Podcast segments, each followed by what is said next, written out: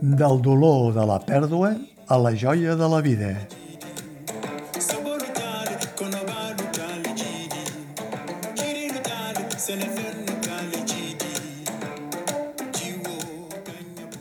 De Bata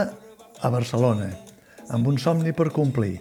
de l'argolla de Guinea Equatorial a la llibertat del més enllà.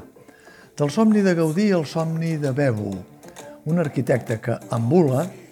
es juguen la vida en pastera per entrar a la península i trobar el camí d'una nova vida. A l'obra Te casaràs en Barcelona hi ha un drama inesperat, la pèrdua d'un nadó en plena alta mar, que canvia sobtadament el que podria semblar el rumb del to romàntic de la història d'una parella que comença junta una aventura cap al desconegut. Del presumpte to romàntic al xoc de la realitat, de la promesa del casament a Barcelona al trencament de la promesa, de les terres de Guinea a les torres de la Sagrada Família, del mite gaudinià a la mirada en l'aire per volar més amunt. L'obra de cambra d'Eber Blanchet, que ha dirigit Maria Clausó, basa tota la seva trama en la força del discurs i de la paraula. La interpretació dels dos protagonistes, Ula i Bebu, matisa molt bé els vaivens entre la joia de l'arrencada i el llast de la tragèdia. Tant l'actriu Sonia Jerez com l'actor Malcolm McCarthy, els dos d'origen cubà, però establerts a Catalunya,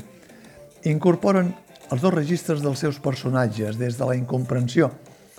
pels fets tràgics que els toca viure com per la descoberta de l'evolució impensable que fa cadascun d'ells. Entre els dos, com una mena d'observador de la parella, en el paper del metge psiquiàtric Gustavo,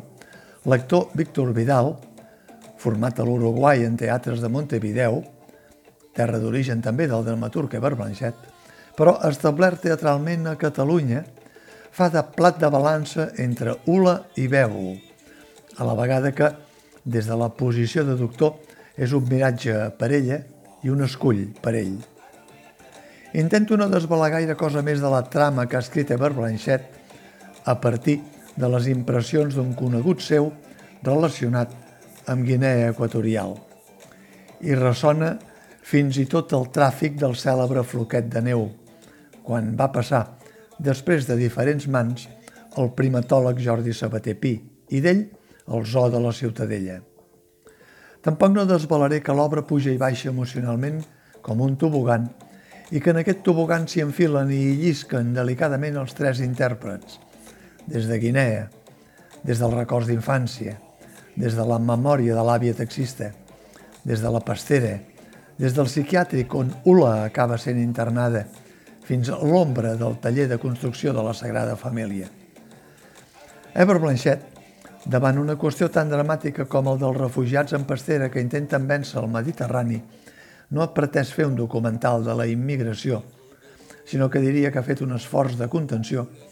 per centrar la seva mirada en el destí de la parella guineana, deixant sempre una porta oberta a l'especulació, introduint un personatge absent,